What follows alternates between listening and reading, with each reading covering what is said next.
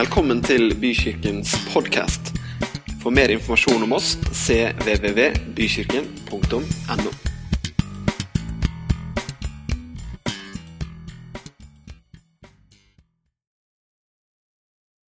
Eh, Men det er utrolig hvor stor Gud vi har. Det er så deilig å synge det. Hvor stor er vår Gud? Tenk å feire gudstjenesten som vi gjør i dag. Tenk å feire liksom pinsa. Det at Gud kom til oss, og at vi alle får ta del i han hver eneste dag. Åh, det er helt utrolig. Det å tenke på hvordan det var før. altså når Jesus gikk på jorda, så var jo han bare på ett sted om gangen. Eh, Og det var jo eh, kjempefint for de som var der, men tenk på alle de som ikke kunne være der. Eh, Og tenk på hvordan vi har det nå, der vi alle kan få lov til å være sammen med ham hver dag. Så mye vi vil. Helt utrolig. Eh, Det var jo også sånn at Jesus var egentlig den eneste som representerte seg selv. altså Han og disiplene. da. Eh, Og nå er det jo vi som representerer han på jorda. Så av og til så tenker jeg at han kanskje er litt sånn nervøs. Oi, Gunnar, sa du det? I mitt navn, liksom? Ops. Eh, ikke helt sånn jeg ville ha sagt det, kanskje, men eh, greit. Vi får la det gå. Han tar jo litt sjanser, da. Gud. Jesus tar jo litt sjanser når han lar oss få slippe til, når vi er ansvarlig for å fortelle om ham på jorda. Han har guts, altså. Det, det er litt kult. Eh, det er fint, rett og slett. Dere, I dag eh, så skal jeg gjøre Jeg har blitt inspirert av eh, Idol, eh, Norske Talenter og eh, The Voice. Jeg skal gjøre en slags coverpreken. Eh, egentlig så skjer jo det hver søndag eh, i alle mulige kirker, men det er ingen som sier det høyt. Men i dag skal jeg rett og slett ta utgangspunkt i en veldig fin tale som jeg har hørt. Og så gjør jeg det litt til, meg, til mitt eget, som jo er veldig viktig i uh, Idol-tider. ikke sant? Må gjøre det til sitt eget. Men det er uh, bare helt ærlig, så er det liksom ikke bare mine tanker i dag. Håper det går fint. Fordelen med det er jo at uh, hvis det er noe som ikke er så bra, så kan jeg bare si at jeg bare refererer til det som har blitt sagt før. At det er liksom ikke mine sitater. Det er jo det fine med det. Men jeg håper vi kommer godt ut av det. Det er jo en grunn til at jeg gjør det sånn. da. Jeg syns dette er fint, fint stoff. Ok, Jeg kommer fra Trysil. Og Trysil var ganske hardt eh, oppe i mediebildet for et par uker siden. Noen som fikk med seg hvorfor? Flom. Og du og du får en flom. Og jeg husker i 1995. Eh, For da var det også flom, og da bodde jeg i Trysil. Og Det var liksom den største flommen som noensinne har vært. Og du hjelper meg, altså. For noen vannmengder.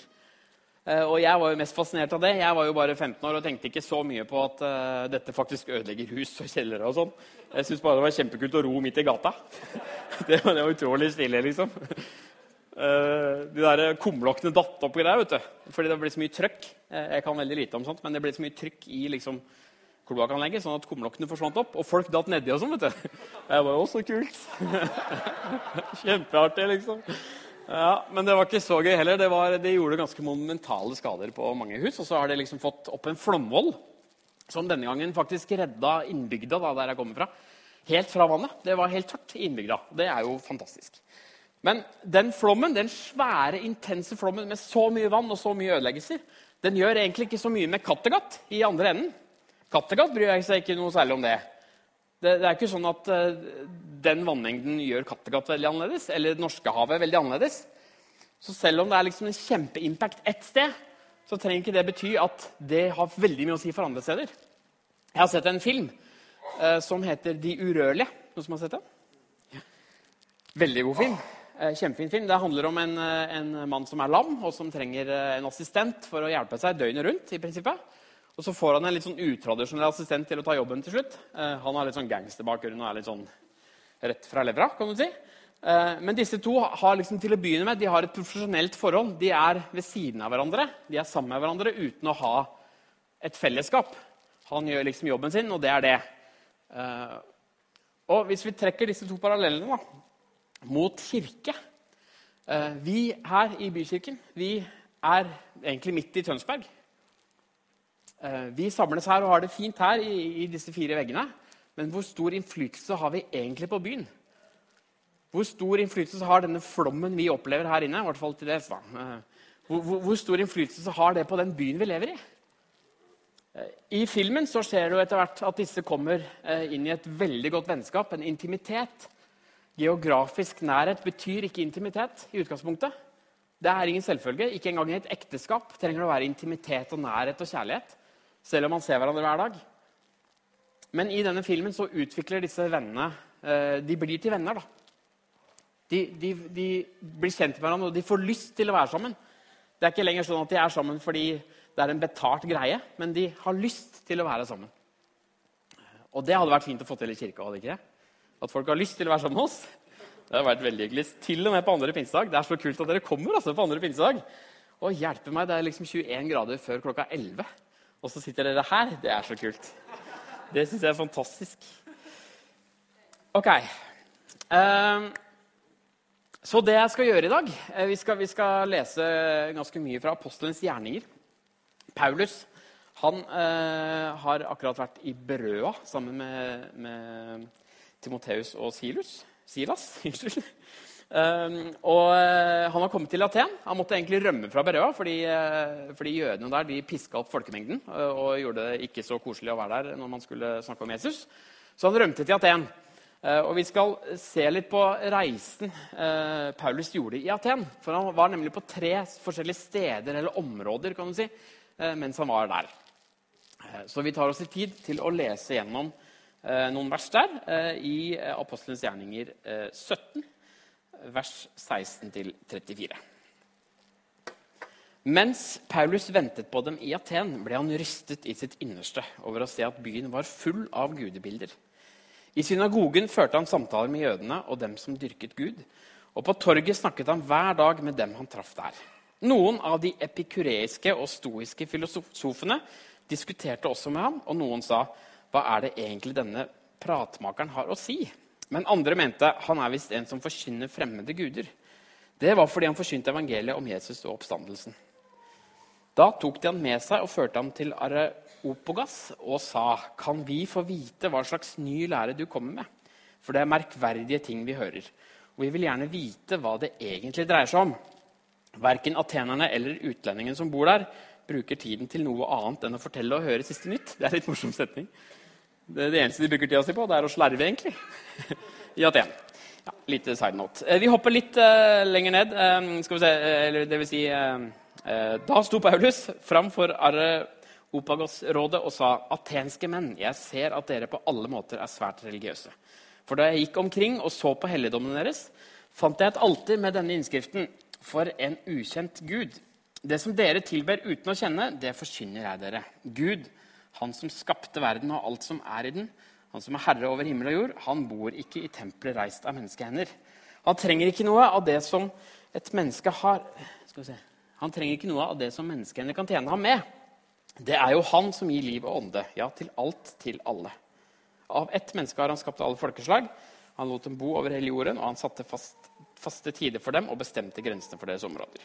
Okay, og Så snakker Paulus litt til.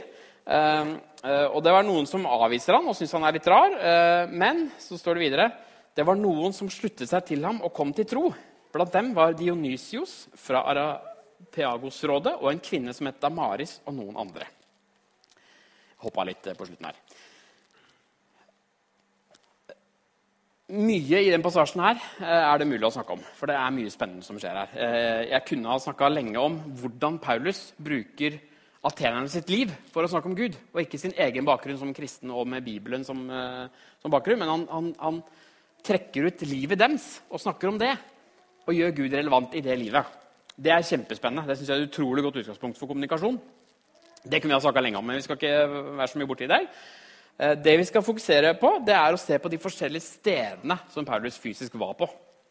Uh, Paulus kommer til Aten, eh, har en slags ferie. Han venter på Silas og Timoteus, som skal komme etter ham fra Berøa.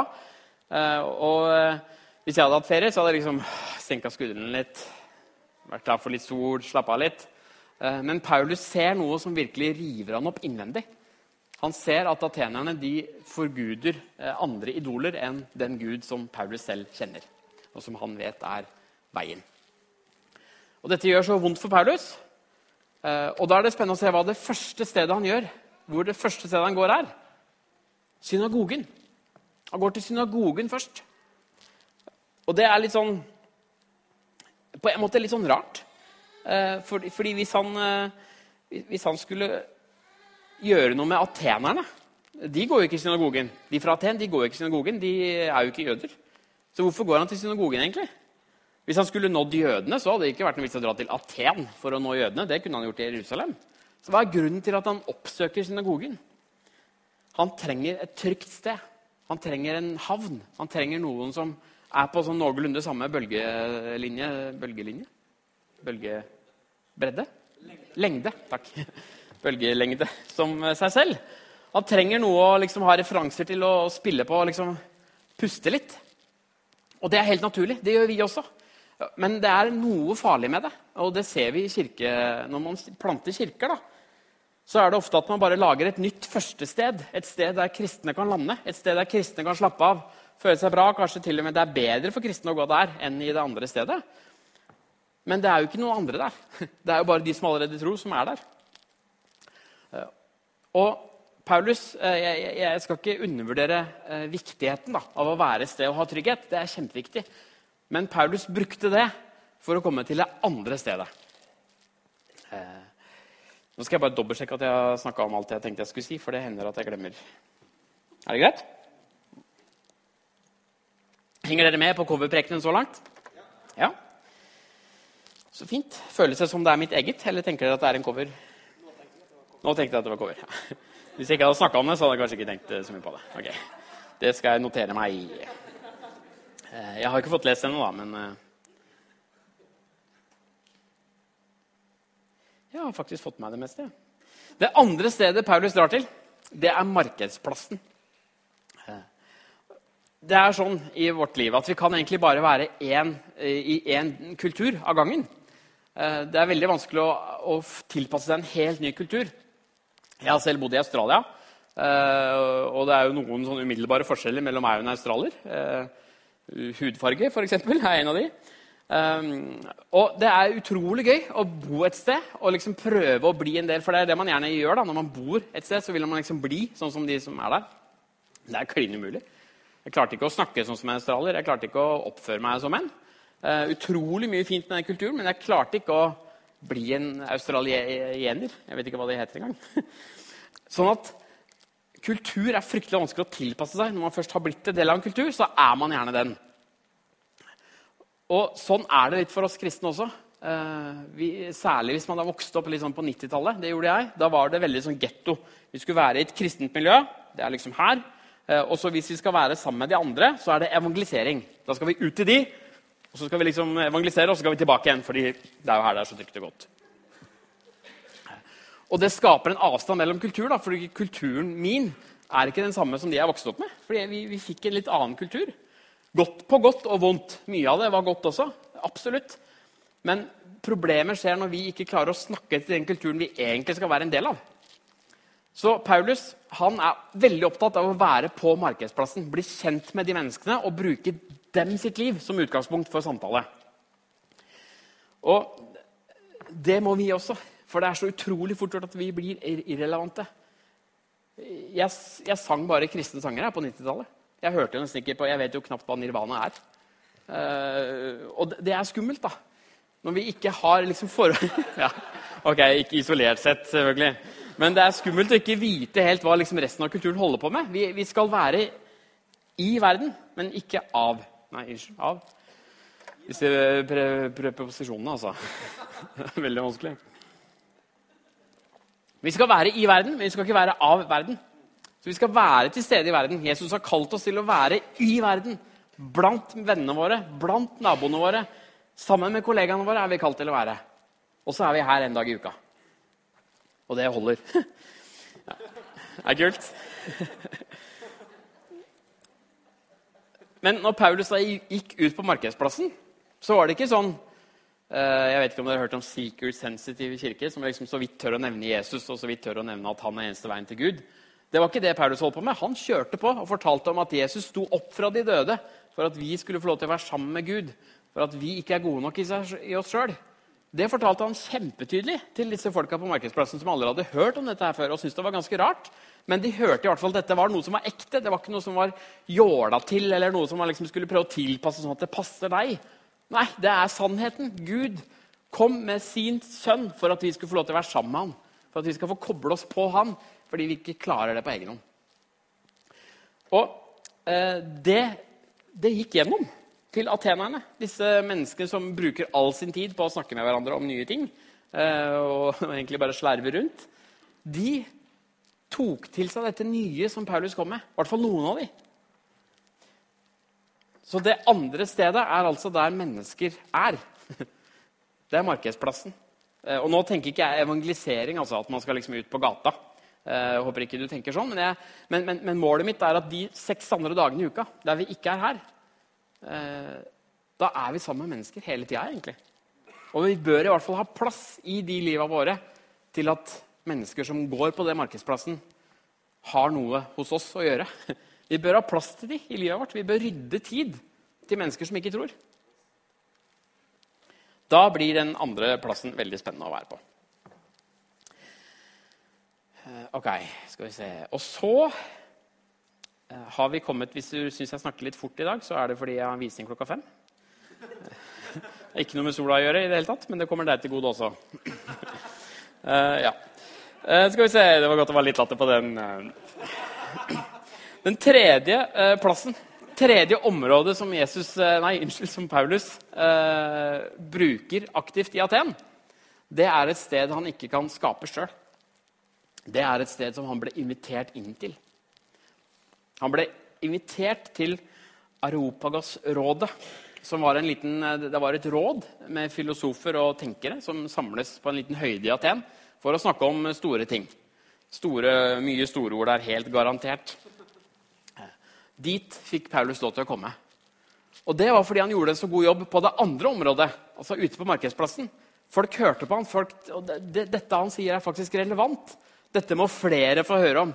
Da blir man invitert inn i et sånt tredje sted. Du har ikke mulighet til å skape det stedet sjøl. Du har blitt invitert fordi du har prestert. Da. Eller på vegne av Jesus har du sagt noe smart eh, og fått lov til å dele det med flere. Og det stedet er utrolig spennende. Eh, Og når du blir invitert inn i menneskers liv, da har du på en måte fått tilgang til noe som er veldig sårt og veldig eh, ærlig, men samtidig så, så, så, så får du komme dit med din Jesus til mennesker. De inviterer deg til å snakke om Jesus. Det er utrolig deilig når det skjer. Har dere opplevd det en gang? Jeg har opplevd det flere ganger, at folk på en måte vil snakke om Jesus. Og da har du et helt annet utgangspunkt enn hvis du liksom skal prøve å pushe Jesus over på de hele tida. Men når de sier du, kan ikke du fortelle meg litt om hva du egentlig tror på? Hva er det, hva er det dette her handler om? Eller kanskje de deler noe fra livet sitt som er tøft, som de ønsker at du skal ta del i og hjelpe dem med. Da kommer du inn i det tredje stedet, tredje området som Gud eh, ønsker at du skal være på. Dionysios eh, blir leda til Jesus i Aten. Og Dionysios han eh, er kalt opp etter den hedenske guden for drukkenskap. Eh, så, så eh, du, du kan jo si at eh, mest sannsynlig så er denne karen da eh, Han liker øl eller vin eller noe med alkohol i. Så, så det at han begynner å følge Jesus, eh, det, det er det jo ikke noe gærent i. Jeg også liker alkohol, altså. Men, men han drikker antagelig veldig mye. Så jeg kan se for meg hvordan det er å følge opp denne Dionysios. Ikke drikk nå, jeg skal bare fortelle deg om noe først, før du blir alt for full. Ikke nå heller, vær så snill, vent litt. Rann. Ikke ennå.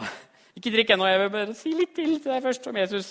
Eh, Det er ikke bare bare når sånne mennesker som ikke har kjennskap til Jesus i det hele tatt fra før, tar imot han. Da skjer det noe med livet ditt. Da merker du hva det vil si å følge Jesus, for da må du faktisk eh, ta i et tak. Da må du omprioritere livet ditt.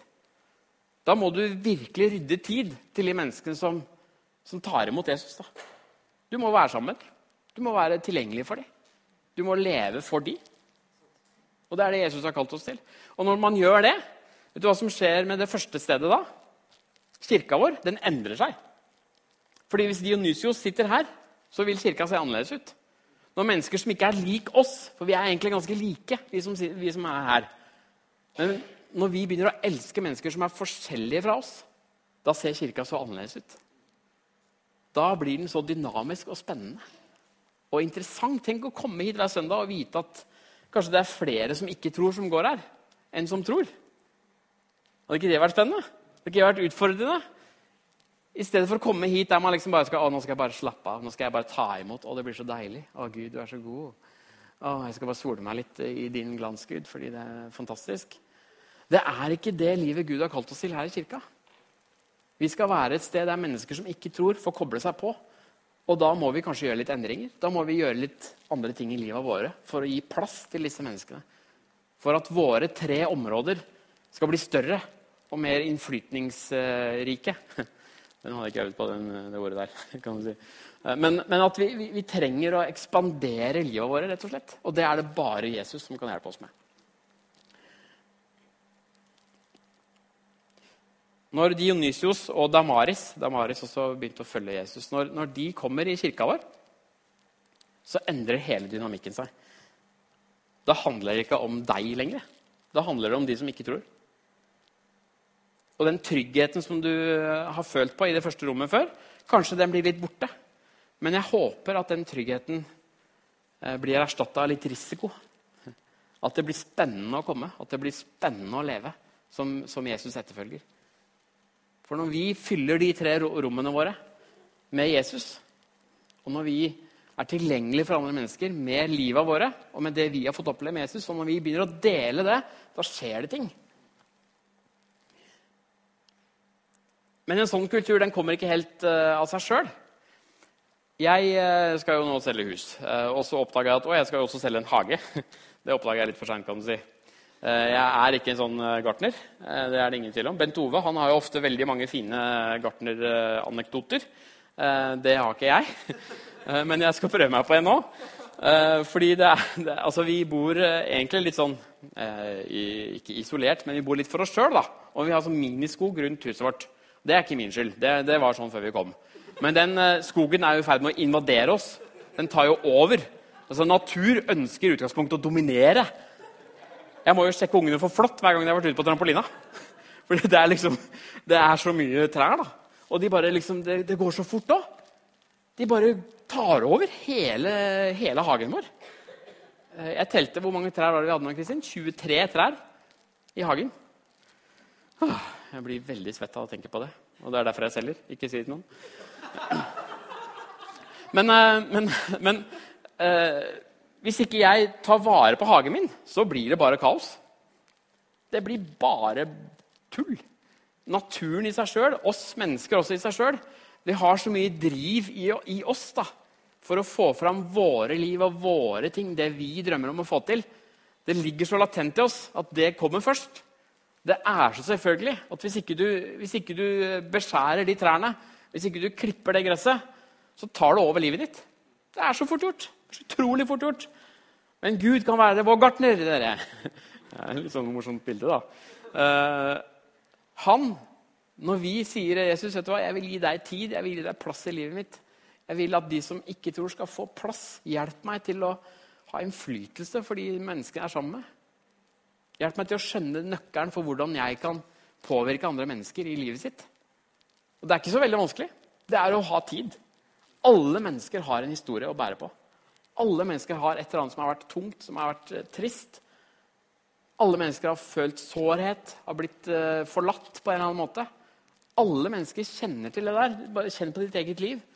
Et, hvis jeg skulle intervjua deg til en TV-serie Jeg er sikker på at du kunne holdt på en time og sendt det på TV. og det hadde vært god TV, For du har opplevd mye i livet ditt. Nedturer, oppturer. Livet ditt er heldigvis ikke bare en sånn flat strek der ingenting har skjedd. Det, det, det, gir utslag. Livet ditt gir utslag. Og når mennesker får noen å dele de utslagene med, da er vi plutselig inne i livet deres. Hvis vi bryr oss om andre, så blir de opptatt av hva vi holder på med, og de merker at det er en grunn til at vi gjør det. Vi har ikke noe hemmelig agenda, men vi elsker rett og slett mennesker. Og når vi begynner å elske mennesker som er annerledes enn oss, så blir kirka så mye mer spennende. Da har vi et første sted, som da er synagoge eller kirke, som er tilgjengelig for mennesker. Som mennesker kjenner at å, her kan jeg være hjemme, her kan jeg være meg sjøl. Det er ikke sikkert jeg tror på det samme som det de snakker om oppe på scenen der, men jeg får lov, jeg får plass til å sitte her og høre på og bli påvirka og begynne å tenke. Kanskje kjenne litt på Guds nærvær til og med. Uten å bli pressa til noe som helst. Her kan jeg være og være meg sjøl. Jeg får lov til å være i en kirke som ønsker å gjøre en forandring i Tønsberg. Som ønsker å forandre menneskers liv til det bedre. Som ønsker å bety noe for folk. Og det kan jeg godt være med på selv om jeg ikke tror. Det tror jeg faktisk folk tenker. Da får vi et Mye mer bevisst forhold til hva vi gjør på markedsplassen, på vårt andre sted. Når vi er sammen med mennesker, sammen med kollegaer. Vi bryr oss om dem. Det er så fort gjort å, Jeg merker det sjøl. Jeg har jobba et sted noen, måneder. og Det er så fort, veldig fort gjort å bare bli en del av kulturen som er der allerede. For det er det tryggeste. ikke sant? Å bare liksom, ok, nå vi, finner ut hvor vi er, liksom, og så legger vi oss på det nivået. Men hva hvis vi bryr oss litt mer? Hva hvis vi tør å bruke litt mer tid på folk? Ta dem med på kaffe en kveld, ettermiddag, formiddag. Finne sted til mennesker og invitere dem og bli kjent med dem. Folk elsker mennesker som vil bli kjent med seg. Det er jo helt fantastisk. Og jeg vet at det er travelt. Jeg har to små barn og selger hus og greier. Jeg veit at livet er fryktelig travelt, og jeg har veldig mye å gjøre sjøl også for å få plass til disse menneskene i livet mitt. Men hvis, hvis, jeg har et bevisst forhold til markedsplassen, som jeg er på hver eneste dag, så er jeg helt sikker på at livet mitt blir mye mer spennende, og jeg får til så mye mer i Jesu navn eh, enn eh, jeg hadde gjort hvis jeg bare lar liksom, dagene gå. For det er så fort gjort. Og da, når man har kommet dit at man er betydningsfull i det andre området, da blir den tredje plassen et sted du blir invitert inn til. Du blir betrodd. Du blir en, et, en, en person som, som mennesket får lyst til å dele livet sitt med. Og du blir en, en Jesu ambassadør for det han står for. Uendelig kjærlighet. Det å være til stede for mennesker. Det å hjelpe folk igjennom kriser. Det å leve det livet Jesus har kalt oss til. Jesus har ikke kalt oss til å være her på søndager. Han har kalt oss til å forandre menneskers liv. Jesus sa at vi skulle gjøre større ting enn det han gjorde. Og det er mye fordi vi er mange flere enn det han var. Tenk hva slags impact vi kan ha på Tønsberg, som er liksom 50 stykker andre pinsedag. Tenk hva vi kan gjøre i byen vår med kollegaene våre, med naboene våre. Fordi vi tror på han fordi vi har fått møte han og fått kjenne på hans kjærlighet. Det er utrolig. Kan dere komme opp? Eh, så jeg, jeg, har ikke tenkt å liksom kjøre på med noe frelsesinnbydelse eller noe sånn veldig ettermøte nå, men, men, eh, når vi synger nå, så har jeg lyst til at vi skal tenke på livet våre. Eh, ikke noe sånn, ikke, ikke fordømme, dette, dette, er ikke for å fordømme oss eller liksom gi oss dårlig samvittighet. Bare tenk hvordan lever egentlig jeg, hvordan ser kristelivet mitt ut? Hva betyr det for meg å følge Jesus? Hva, hva, hva, innebærer det for meg? Er det bare at jeg tror på han? At han liksom er der i bakgrunnen, og at jeg liksom ligger og vaker i en slags tro på at han er der? Eller er det noe jeg har et bevisst forhold til? For hvis du har et bevisst forhold til Jesus og sier at du følger ham, da må vi faktisk følge ham. Da må vi faktisk bruke livet våre på de tre stedene som jeg har snakka om i dag. Kan ikke du bare spille litt Bare eh, jamme litt? Takk, kjære Jesus, for at vi får lov til å tilhøre deg. Takk for at tro ikke er en prestasjon, men at det er noe du har gitt oss. Takk for at vi har fått lov til å møte deg, Gud. At eh, det ikke er vi som har prestert det, men at det er du som, som gjør det mulig Å få kalle på ditt navn og få kjenne at du er nær. Få bety noe for andre mennesker. Få lov til å leve et liv der man faktisk etterlater seg et inntrykk av deg. Gud, jeg ber for mitt liv. Jeg ber om at jeg skal være en sånn person som kommer til himmelen og er ganske fornøyd med det jeg har fått til. I ditt navn. At jeg har brukt tida mi riktig. At jeg har brukt hjertet mitt riktig. At jeg har fått se de menneskene som trenger deg, og at jeg også har gjort noe med det, Gud. Det ber jeg så inderlig om. Det er så fort gjort at livet bare gaper over oss. Det er så utrolig mye som skjer i 2014. Men Jesus, jeg ber om at jeg skal ha mye mer plass til deg enn det jeg har nå. At jeg skal ha mye mer plass til mennesker som ikke har møtt deg ennå. Som ikke vet hvem du er. Hjelp meg, Gud, til å prioritere viktig, til å sette deg først og sette andre mennesker foran meg sjøl. For det er ikke tull, det vi tror på. Det er ikke, det er ikke noe vi finner på fordi vi har for lite å gjøre. Jesus, jeg tror at du døde for oss. At du er den eneste veien til et evig liv med deg, Gud. Og da er det så mye på spill, da. Hjelp meg til å være en brikke i det spillet som gjør at mennesker kan få møte deg, få et ekte møte av hvem du egentlig er. Ikke kristen kultur og alt det rare vi putter på deg, Jesus, men få møte den kjærlighetsfulle og omsorgsfulle guden du er. Jeg om.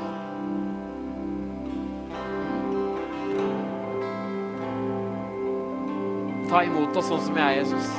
Bruk oss der vi er. Og så må vi få lov til å hvile i det. Ikke la det bli noe som presser oss og stresser oss, men la oss få hvile i at du har gjort alt for oss. Gi oss gode opplevelser som gjør at vi tør. Gi oss muligheten til å lene oss på deg, Gud. At dette ikke blir noe vi skal liksom stresse fram i vårt eget liv, men at det er du som skal få virke i oss. Takk for pinsa. Takk for Den hellige ånd. Takk for sånn som du har fiksa det, som gjør det mulig for oss å være sammen med deg hver eneste dag. At vi har en direkte tilgang til deg, og at du virker gjennom oss. Tusen takk for sånn som du har ordna det. Amen.